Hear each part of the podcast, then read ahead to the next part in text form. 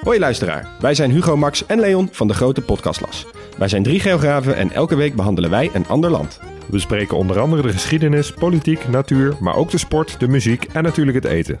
De nijlpaarden van Pablo Escobar, de vele bunkers van Albanië en het verschil tussen een sheik en een emir zijn zomaar wat voorbeelden die langskomen. Maar we bespreken ook de geopolitieke invloed van China in Afrika en de impact van het Europese kolonialisme. Luister dus wekelijks naar de audioversie van de Atlas, de Grote Podcastlas.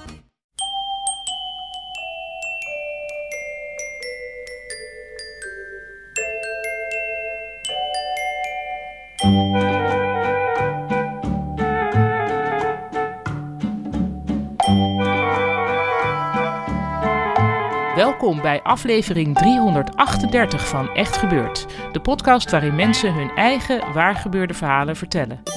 In deze aflevering een verhaal dat Seino van Breugel in september vertelde tijdens een verhalenmiddag in het teken van het thema EHBO.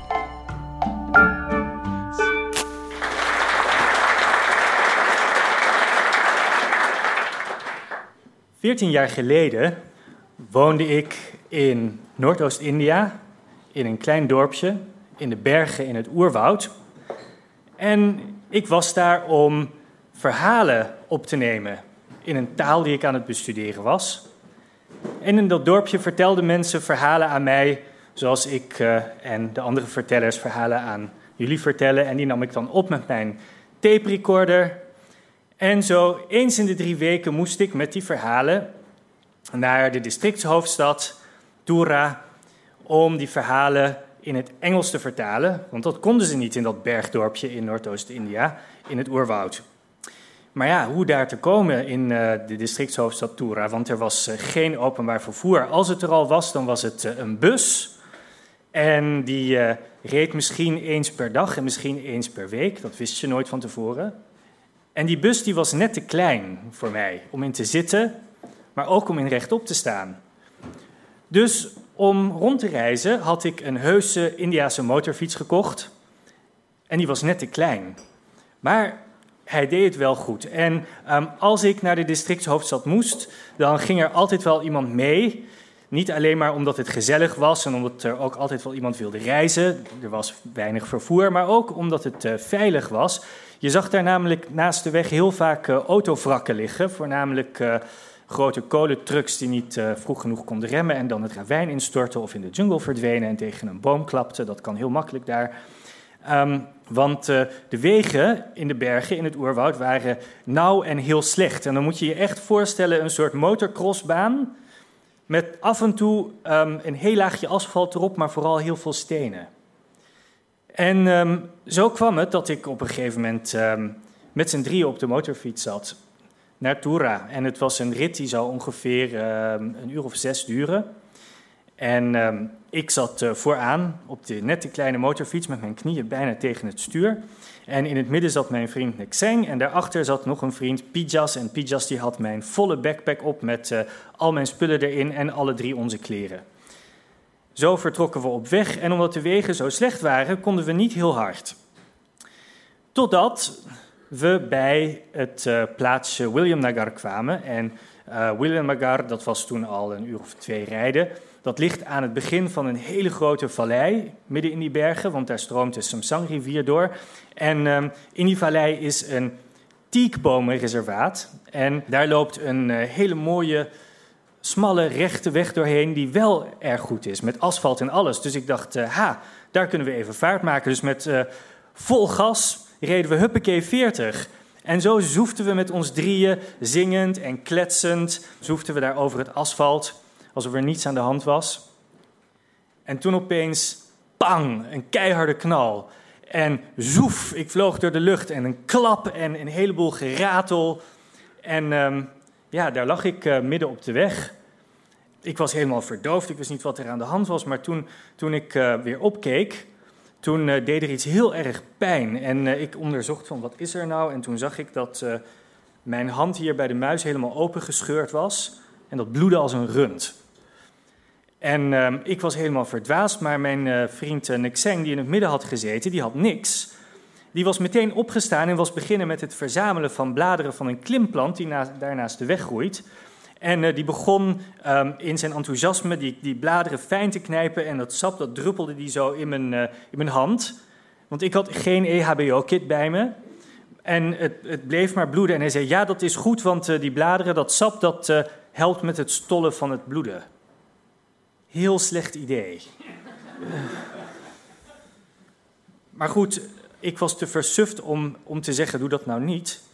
En ehm, hij zette mij neer aan het, uh, langs de weg. En, uh, en de andere vriend, Pijas, die lag in het midden van de weg uh, op mijn backpack. Die had zijn enkel verstuikt en die kon niet meer lopen. Dus um, die werd ook langs de weg gezet. En toen zei ik, Zeng, weet je wat, ik ga met de kapotte motorfiets wel naar, teruglopen naar William Nagar, een paar kilometer. En jullie blijven hier langs de weg zitten. Misschien komt er wel een bus aan. Goed, zo gezegd, zo gedaan. En um, ik weet niet meer hoe lang het was, maar het was zeker een paar uur dat we daar hebben zitten wachten. En toen kwam er een heel klein geel busje. En dan moet je je echt voorstellen, um, ja, ongeveer een derde van wat wij hier in de stad aan bus hebben.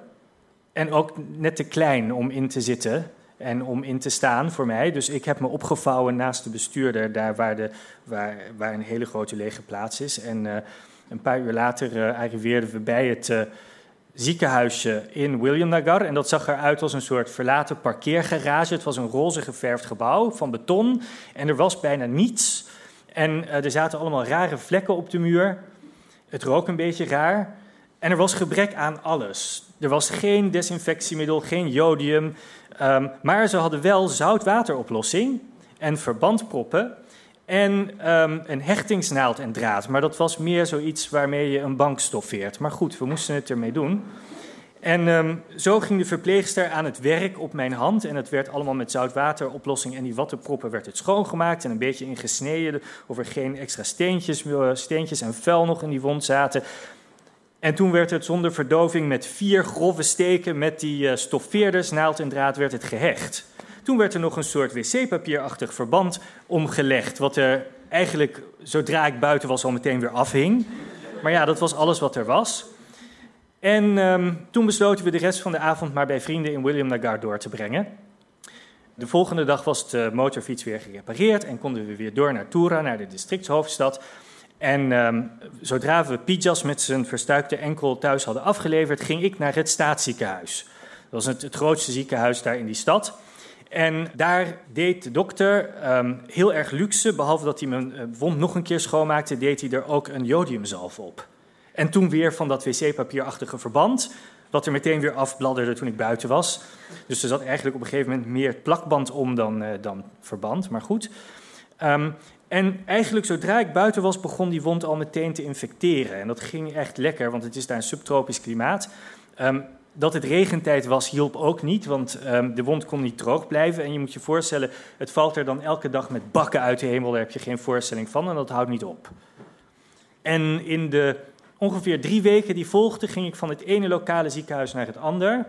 En bij elk ziekenhuis deden ze ongeveer hetzelfde, maakten ze het schoon en uh, deden ze er een zalfje op, een jodiumzalfje of uh, een of ander blauw synthetisch zalfje. En dan weer van dat wc-papierachtige verband erom. En uh, na een uh, week of twee, toen begon het hier uh, zwart te worden. Het was ontzettend opgezwollen en behalve zwart was het ook groen en wit van de pus, want het, het, droop er echt uit. En um, op een gegeven moment toen heb ik de hechtingen er maar zelf uitgehaald, want ja, er was niks meer om te hechten, want het was zo vervormd. En, en die draden die waren ook niet antiseptisch of zo. Dus dat, het was beter dat die er niet meer in zaten. Goed. Um, ik dacht, ik moet hier weg. Want als dat zwarte zich doorzet en uh, de gangreen gaat naar mijn pezen over, dan moet die uh, hand eraf. Dus ik dacht, weet je wat, ik ga mezelf naar het buitenland evacueren. Maar ik ging eerst nog even, uh, voordat ik de reis ondernam, naar het, terug naar het, naar het staatshospitaal. En ik zei tegen de dokter, kunt u me niet ergens anders een ziekenhuis aanraden? Misschien in de grote buurstad, ongeveer vier uur rijden hier vandaan, in Guwahati, de hoofdstad van Assam.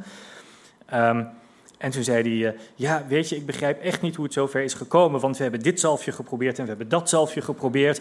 En lokale mensen die zijn na tien dagen al beter. Tja, zei ik, ik weet het ook niet.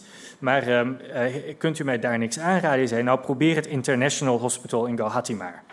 Dus um, ik zei, dank u wel dokter, en ik ging weg. En um, ik op de motorfiets uh, naar Guwahati. Dat is niet zo'n tour om daar te komen. Dat is gewoon vier uur, bam, rijden. En um, toen ik daar was, toen heb ik meteen een ticket gekocht naar Bangkok. een vliegticket van het vliegveld van Guwahati naar Bangkok, maar ik moest nog drie dagen wachten op mijn vlucht. Dus ik dacht, ik ga dat International, International Hospital maar even uitchecken. Nou, dat bleek een nog grotere dump te zijn dan het kleine hospitaaltje in het oerwoud in uh, William Nagar. Maar dan ook echt heel goor met overal vuil en het stonker. En er lag bloed op de vloer en er lagen mensen in de gang onder hele vieze lakens. En um, er waren wel drie dokters die mij meteen kwamen uh, onderzoeken. En die begonnen te praten over skin grafting en huidtransplantatie. En ik zei: nee, er wordt niet geopereerd, alleen maar schoongemaakt. Nou, oké, goed. Um, dus ze maakten het weer schoon en uh, ze deden er jodiumzalf op. En toen weer van dat wc-papierachtige verband, wat er ook meteen weer afbladderde toen ik buiten kwam. Um, en toen heb ik de twee dagen dat ik nog moest wachten, heb ik elke ochtend maar mijn, uh, mijn wond laten schoonmaken bij een mannetje op de markt die daar een klein apotheekje had naast mijn hotel. Dat vond ik toch veiliger. De dag kwam dat ik uh, opsteeg uit India en ik landde in Bangkok en zodra ik geland was, nam ik een taxi naar een van de duurste ziekenhuizen in de stad. En dan moet je je echt voorstellen, dat, dat is een soort vijfsterrenhotel. Daar, daar kunnen ze hier nog een puntje aan zuigen. Dat is zo luxe. Um, en ik had een goede verzekering, dus dat kon allemaal. En daar kwam ik op de polykliniek en de dokter die schrok zich de tering en die zei van... ja, ik weet niet of ik hier nog wat mee kan. En het was ondertussen al best wel zwart geworden. Gelukkig dus nog niet in mijn pezen. En hij keek dat zo even aan en hij zei: Weet u wat, uh, we gaan opereren. Ik uh, snij alles wat geïnfecteerd is er gewoon uit en dan naaien we het dicht en dan hopen we op het beste. Dat is alles wat ik kan doen. Ja, en zo gebeurde het. Hij maakte het schoon, hij sneed het nog even lekker uit, sneed alles weg en hechtte het toen heel mooi weer dicht met een gaatje in het midden, wat je nog steeds kan zien waar de pus uit moest komen. En toen ging er echt verband omheen, wat er toen nog steeds op zat toen ik naar buiten kwam. En uh, toen, uh, ja, tien dagen later, toen was het genezen. En de dokter zelf was ook heel verbaasd dat het gelukt was. Maar toen uh, kon ik met vijf weken vertraging toch nog terug naar India om mijn teksten te vertalen. En um, zo kwam ik in Tura, vertaalde ik die teksten en uiteindelijk werden de verhalen die die mensen vertelden dit verhaal. Dank u wel.